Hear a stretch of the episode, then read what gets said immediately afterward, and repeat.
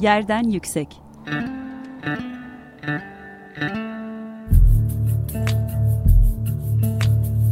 Kentin kent aşırı gündemi.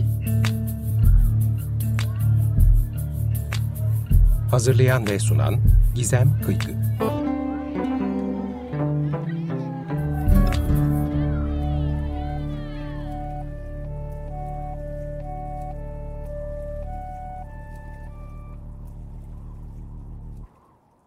Kıykı. Açık Radyo burası. Yerden Yüksek programını dinliyorsunuz. Ben Gizem Kıygı. Kent aşırı sohbetler gerçekleştirdiğimiz yerden yüksekte kentlerde yaşanan eşitsizlikleri, toplumsal adaletin mekansal tezahürlerini, dönüşen dünyada değişen kentsel alışkanlıklarımızı ve çok daha fazlasını konuşmaya çalışıyoruz. Ee, bugün e, Açık Radyo online stüdyolarında Özlem Altınkaya benimle birlikte birlikte e, Marmara bölgesinin e, planlama e, kentleşmesi üzerine gerçekleştirdiği araştırmayı değerlendireceğiz. Metropolitan alanların ötesinde, kentsel alanların ötesinde kentleşmeye bölgesel bakma yaklaşımları üzerine bir program gerçekleştireceğiz araştırması üzerinden. Ben hemen çok kısaca size konuğumu da takdim etmek istiyorum. Ee, Özlem Altınkaya 2006'da Mimar Sinan Mimarlık bölümünden e, mezun oldu ve Mimar, Bilgi Üniversitesi Mimari Tasarım Yüksek Lisans programında da 2008'de yüksek lisans derecesini tamamladı. 2016, 2012-2016 yılları arasında Harvard University Graduate School of Design'da doktorasını e, aldı. E, 2016-2021 yıllarında ise Özyeğin Üniversitesi'nde ve Hanze Üniversitesi'de yardımcı doçent ve doktora sonrası araştırmacı olarak araştırmalarına devam etti. E, şu anda da Delphi Üniversitesi'de e, postdoc çalışmalarına, doktora sonrası çalışmalarına e, devam ediyor. E, çok teşekkür ederim e, program davetimi kabul ettiğin için Özlem. Bugün bizlerle birlikte olduğun için. E, bir 2016-2018 yıllarında Marmara'nın e, kentleşmesine odaklanan bir araştırman var. Onu bize böyle araştırma sorunu, araştırma yöntemini, Marmara'ya böyle bir kentleşme problemine bölgesel bakma fikri, sorusu nereden doğdu? Biraz böyle onlarla başlayalım istersen sohbetimizi sonra derinleştireceğiz. Tamam peki e, onlarla başlayabiliriz ama özgeçmişe ben minik bir e, ekleme yapmak istiyorum. Ben aslında eski bir açık radyo programcısıyım. E, o yüzden açık radyoya çağrılmak benim için her zaman bir mutluluk kaynağı. Tophane'ye gelebilmiş olmayı çok isterdim. Maalesef tabii ki hepimizin bildiği nedenlerden dolayı bu gerçekleşemiyor. Bizim yaptığımız programın adı İstanbul Kazan biz Kepçe'ydi. Ee, hocam Murat Güvenç ile gerçekleştirdiğimiz bir programda kayıtları var 2015 e, e, yılında. Ve benim yani en çok e, keyif alarak yaptığım işlerden bir tanesiydi. Bunu önce hemen böyle bir akademik konuya dalmadan önce bunu bir söylemek istedim. Açık radyo dinleyicileriyle paylaşmak istedim bunu. Ben Marmara bölgesi üzerine 10 senedir baş çalışıyorum. Bunu birazcık böyle bunun da benim açımdan bir tarihi var aslında. Belki biraz bundan bahsedebilirim. Yani kafama nasıl oldu da böyle bir e, problem e, geldi. E, her şeyden önce tabii ben e, yani bu birazcık da genel bir şeye vurgu yapmak istiyorum. Artık araştırmanın e, doğası ve tanımı da çok değişiyor. Yani benim araştırmam diye bir şeye sahip çıkmak çok doğru bir şey değil. Ee, benim bir sürü destekleyen e, hocam, mentorum, e, danış, tez e, danışmanlarım oldu. Bunların isimlerini de biraz çalışma sırasında çalışmayı özetlerken vereceğim, isimlerinden bahsedeceğim. Ama bizim öncelikle bu İstanbul Kültür Başkenti olduğu sene Bilgi Üniversitesi'nde bir sergimiz oldu. Ben bu serginin 1900 50 ve 80 yılına kadar olan bölümünü hocam İhsan Bilgin ile çalıştım. E, ve bu dönem 1900 e, e, elimden bir sürü döküman geçti ve bunlardan birisi de Tuğrul Akçura'nın 1962-63 yılında bastığı bir Doğu Marmara bölgesi planıydı. İlk başta hiçbir şey anlamadım. Yani neden böyle bir çalışma yapıldı, bunun amacının ne olduğu, acaba bizim sergiyle bir bilgisi var mı? Ee, ancak daha sonra bu planı inceledikçe e, bizim İstanbul'un bu il sınırları içerisinde göremediğimiz İzmit'le, Doğu Marmara bölgesiyle, oranın tarihiyle, endüstriyel gelişimiyle, tarım alanlarıyla çok ilgili, çok daha ilişkisel bir çerçeveden baktığını bu bölge planının fark ettim. Yani bu benim böyle kafamda bir şey ne derler onu bir ampul işareti oluşturdu diyeyim. Daha sonra bu benim için bir doktora problemine dönüştü ve Harvard Üniversitesi'nde buna benzer çalışmaların yapıldığını biliyordum. Takip etme fırsatım oldu.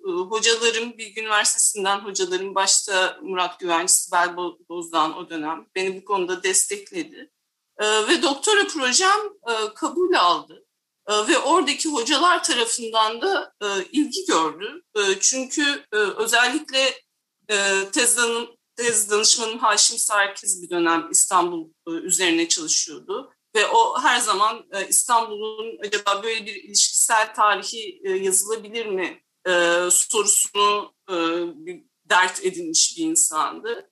Ve bunun dışında Peter Rowe bu konuda beni çok destekledi. Kendisi kendi laboratuvarında Çin'deki kentsel yığışmalar üzerine çalışıyordu ve bu konuda Changjiang Delta, Pearl River Delta gibi bölgeleri inceliyorlardı. Ve böyle farklı bir case study, bir araştırma, yeni bir konu onların da çok ilgisini çekti. Ve ben de onlardan çok şey öğrenmiş oldum.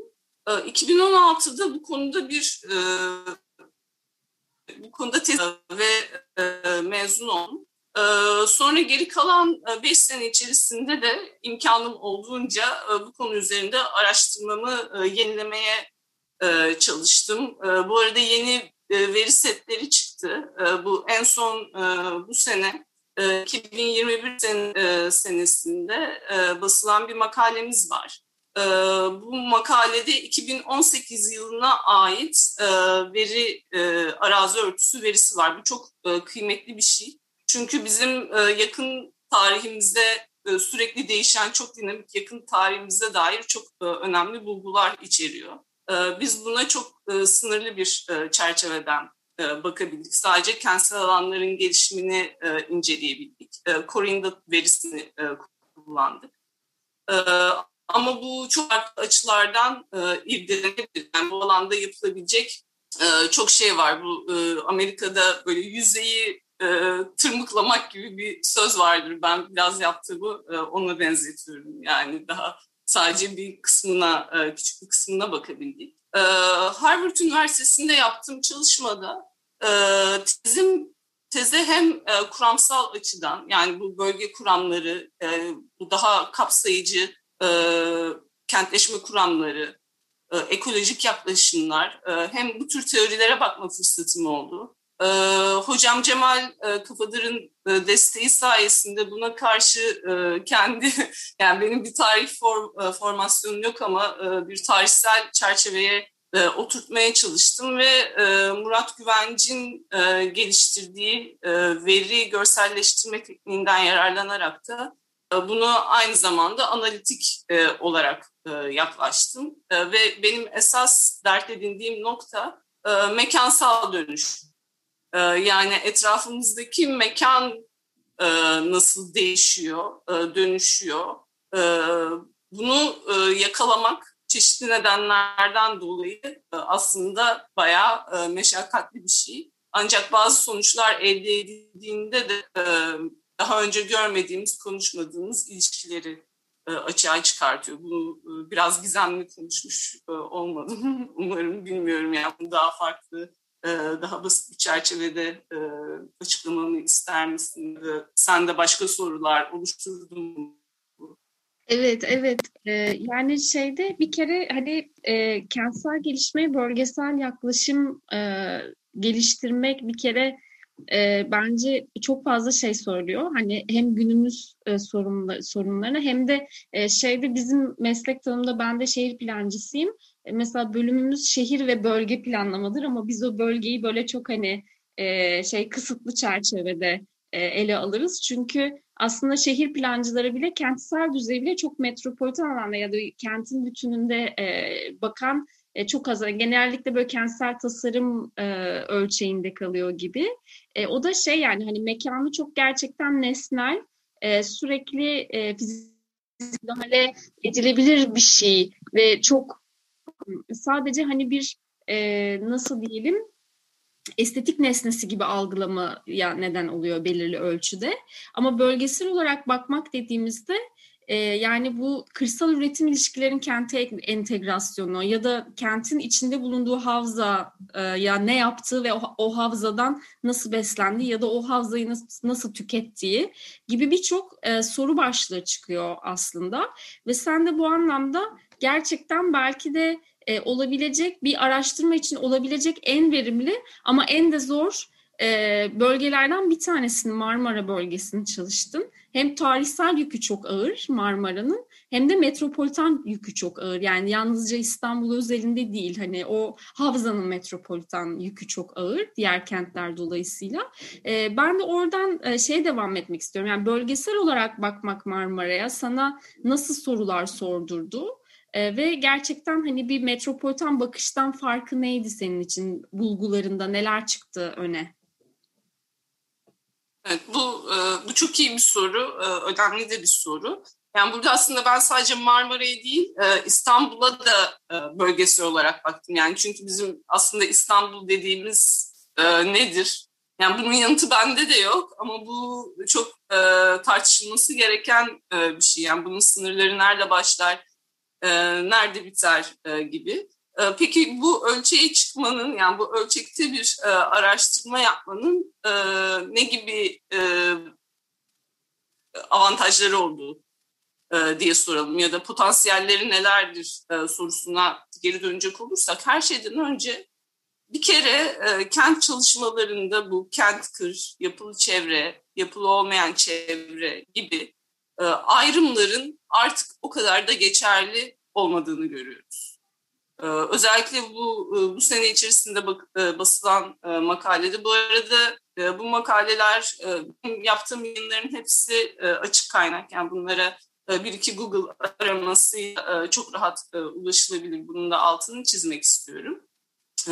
Yani bizim gördüğümüz şey mesela artık kırsal ve kentsel alanların iç içe geçtiği, e, daha önce kırsal bildiğimiz alanlarda e, bir takım kentsel dokuların e, ortaya çıktığı ve bu alanların yani bölgesel ölçeğin göz ardı edildiğini özellikle eğitimde sen de söyledin. Aslında kırsal alanda gerçekleşen dönüşüm kentsel alanda, kentsel alana göre çok daha dinamik. Bunun özellikle altını çizmek istiyorum.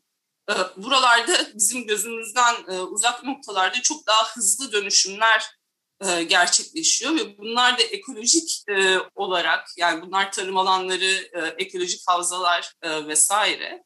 Ama biz bunların nabzını tutamıyoruz. Bu bir problem.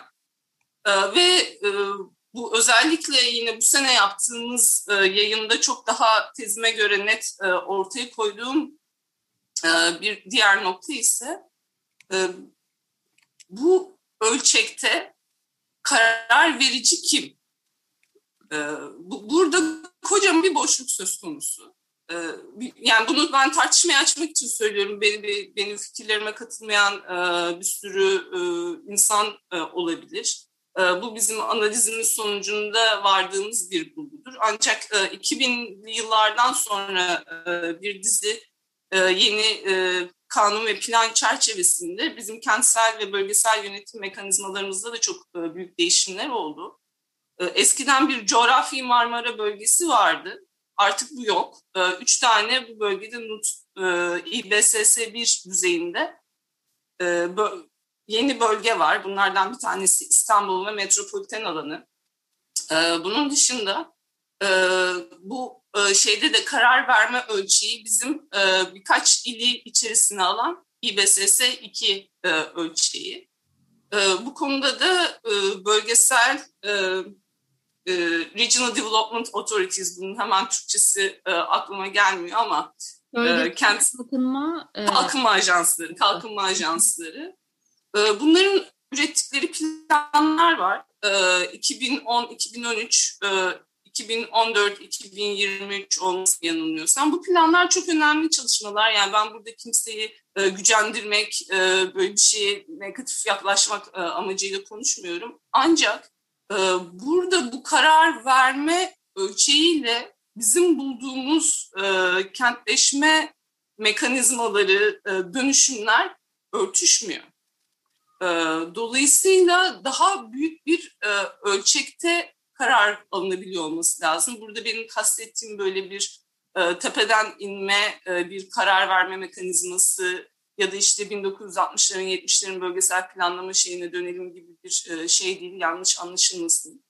E, ancak e, çok daha çoklu bir planlama, çoğulcu bir planlama anlayışının bu ölçek hakkında bir şey söylemesi gerekiyor. Yani özellikle bu havzaların dönüşümü, kentleşen alanlar, bunun dışında iklim değişikliği tabii ki. Yani maalesef yani şu an e, hepimiz yangın haberlerine e, angaje olmuş durumdayız. E, bundan önce virüs e, vardı. E, bunun sonrasında işte sel vesaire başka bir şey e, gelecek. Bunlar e, bizim araştırmalarımızı sınırlandırdığımız e, bu e, il sınırları, ilçe sınırları ya da başka ön koşul olarak kabul ettiğimiz sınırları aslında dinlemeyen, e, insan olmayan öğeler. Bunlar bizim gibi çalışmıyor. Yani bunlara başka bir gözle ve başka araştırma metotlarıyla e, bakılması gerekiyor. E, benim e, en çok dikkatimi çeken, e, eksikliğini gördüğüm noktalar bunlar. Tabii yani buradaki bu dönüşümlerin e, sosyolojik, antropolojik ve birçok benim aklıma ekonomik e, yönü irdelenmesi lazım. Hı hı hı. E, ve burada beni başka üzen bir nokta da e, Marmara bölgesi bütün bu içerdiği yoğun e, nüfusa rağmen e, dünyadaki literatüre baktığımızda en az çalışılmış bölgelerden bir tanesi. Ee, bunda konuşmanın başında mesela Çin'deki bir takım kentsel yayışmalardan, kentsel bölgelerden bahsettim.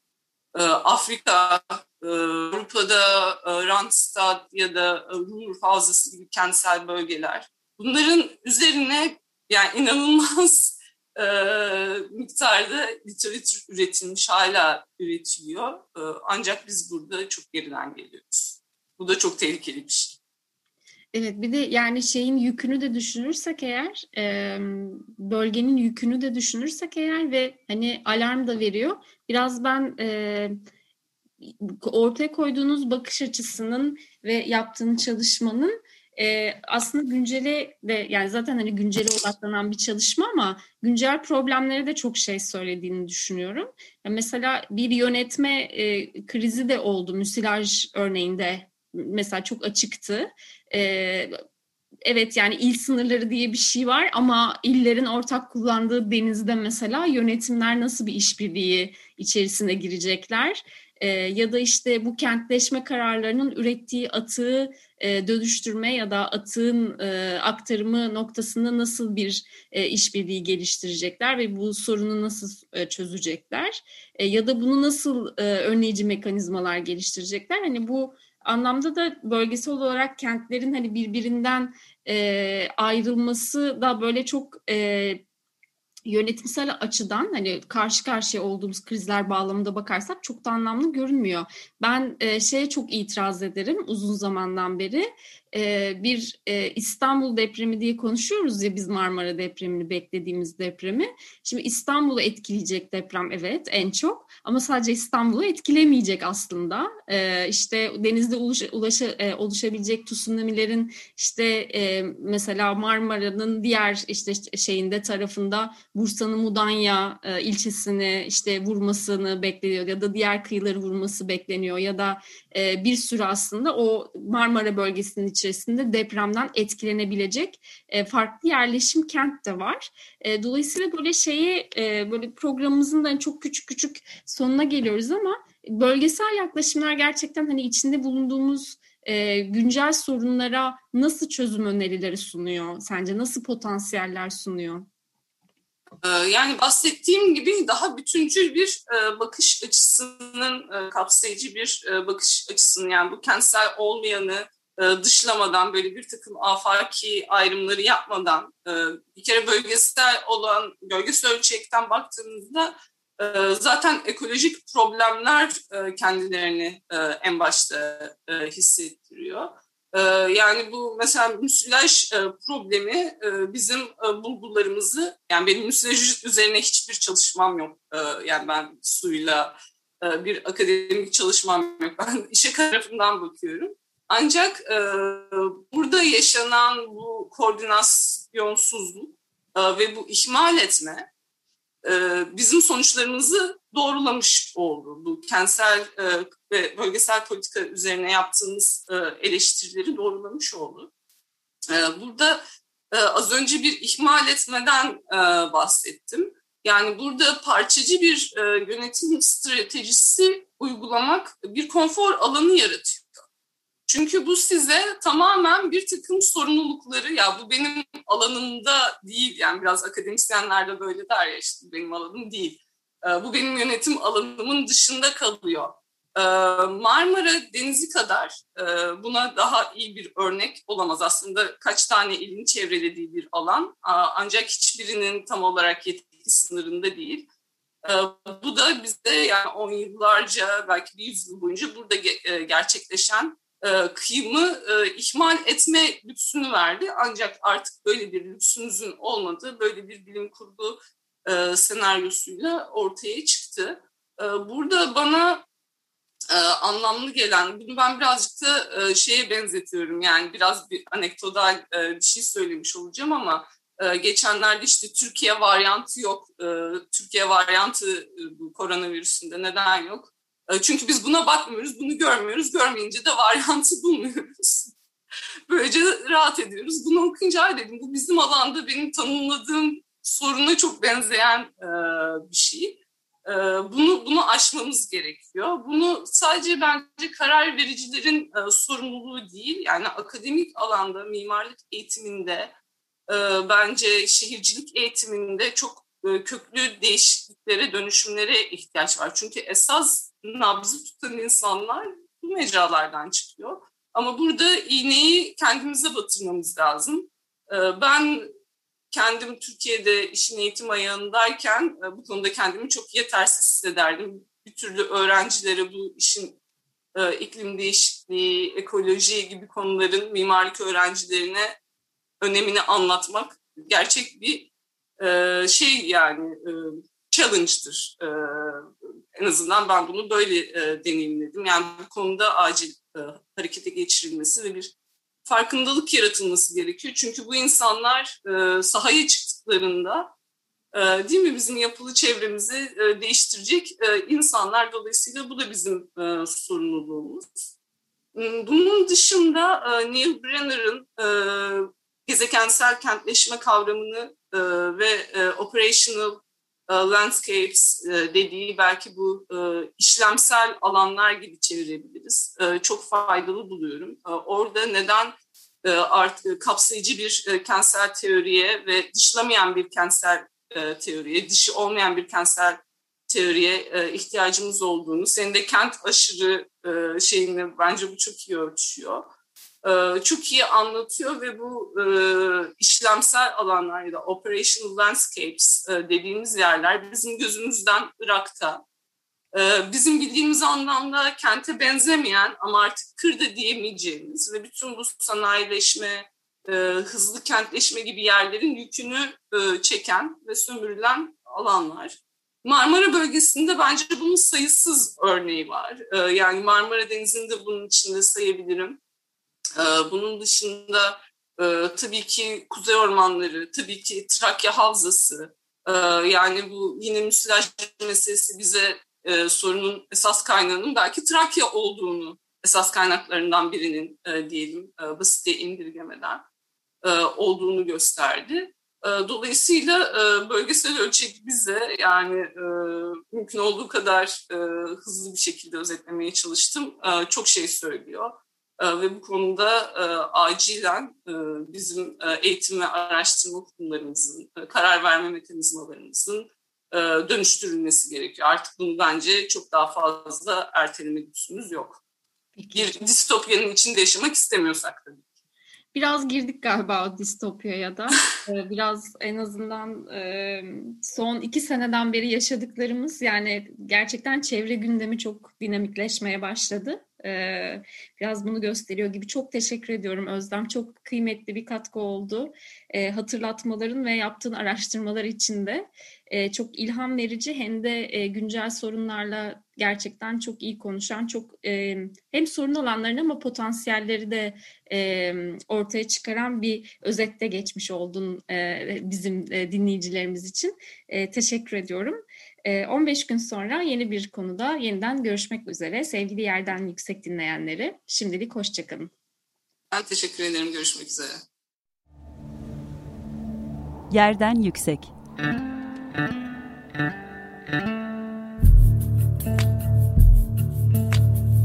Kentin kent aşırı gündemi. Hazırlayan ve sunan Gizem Kıykı.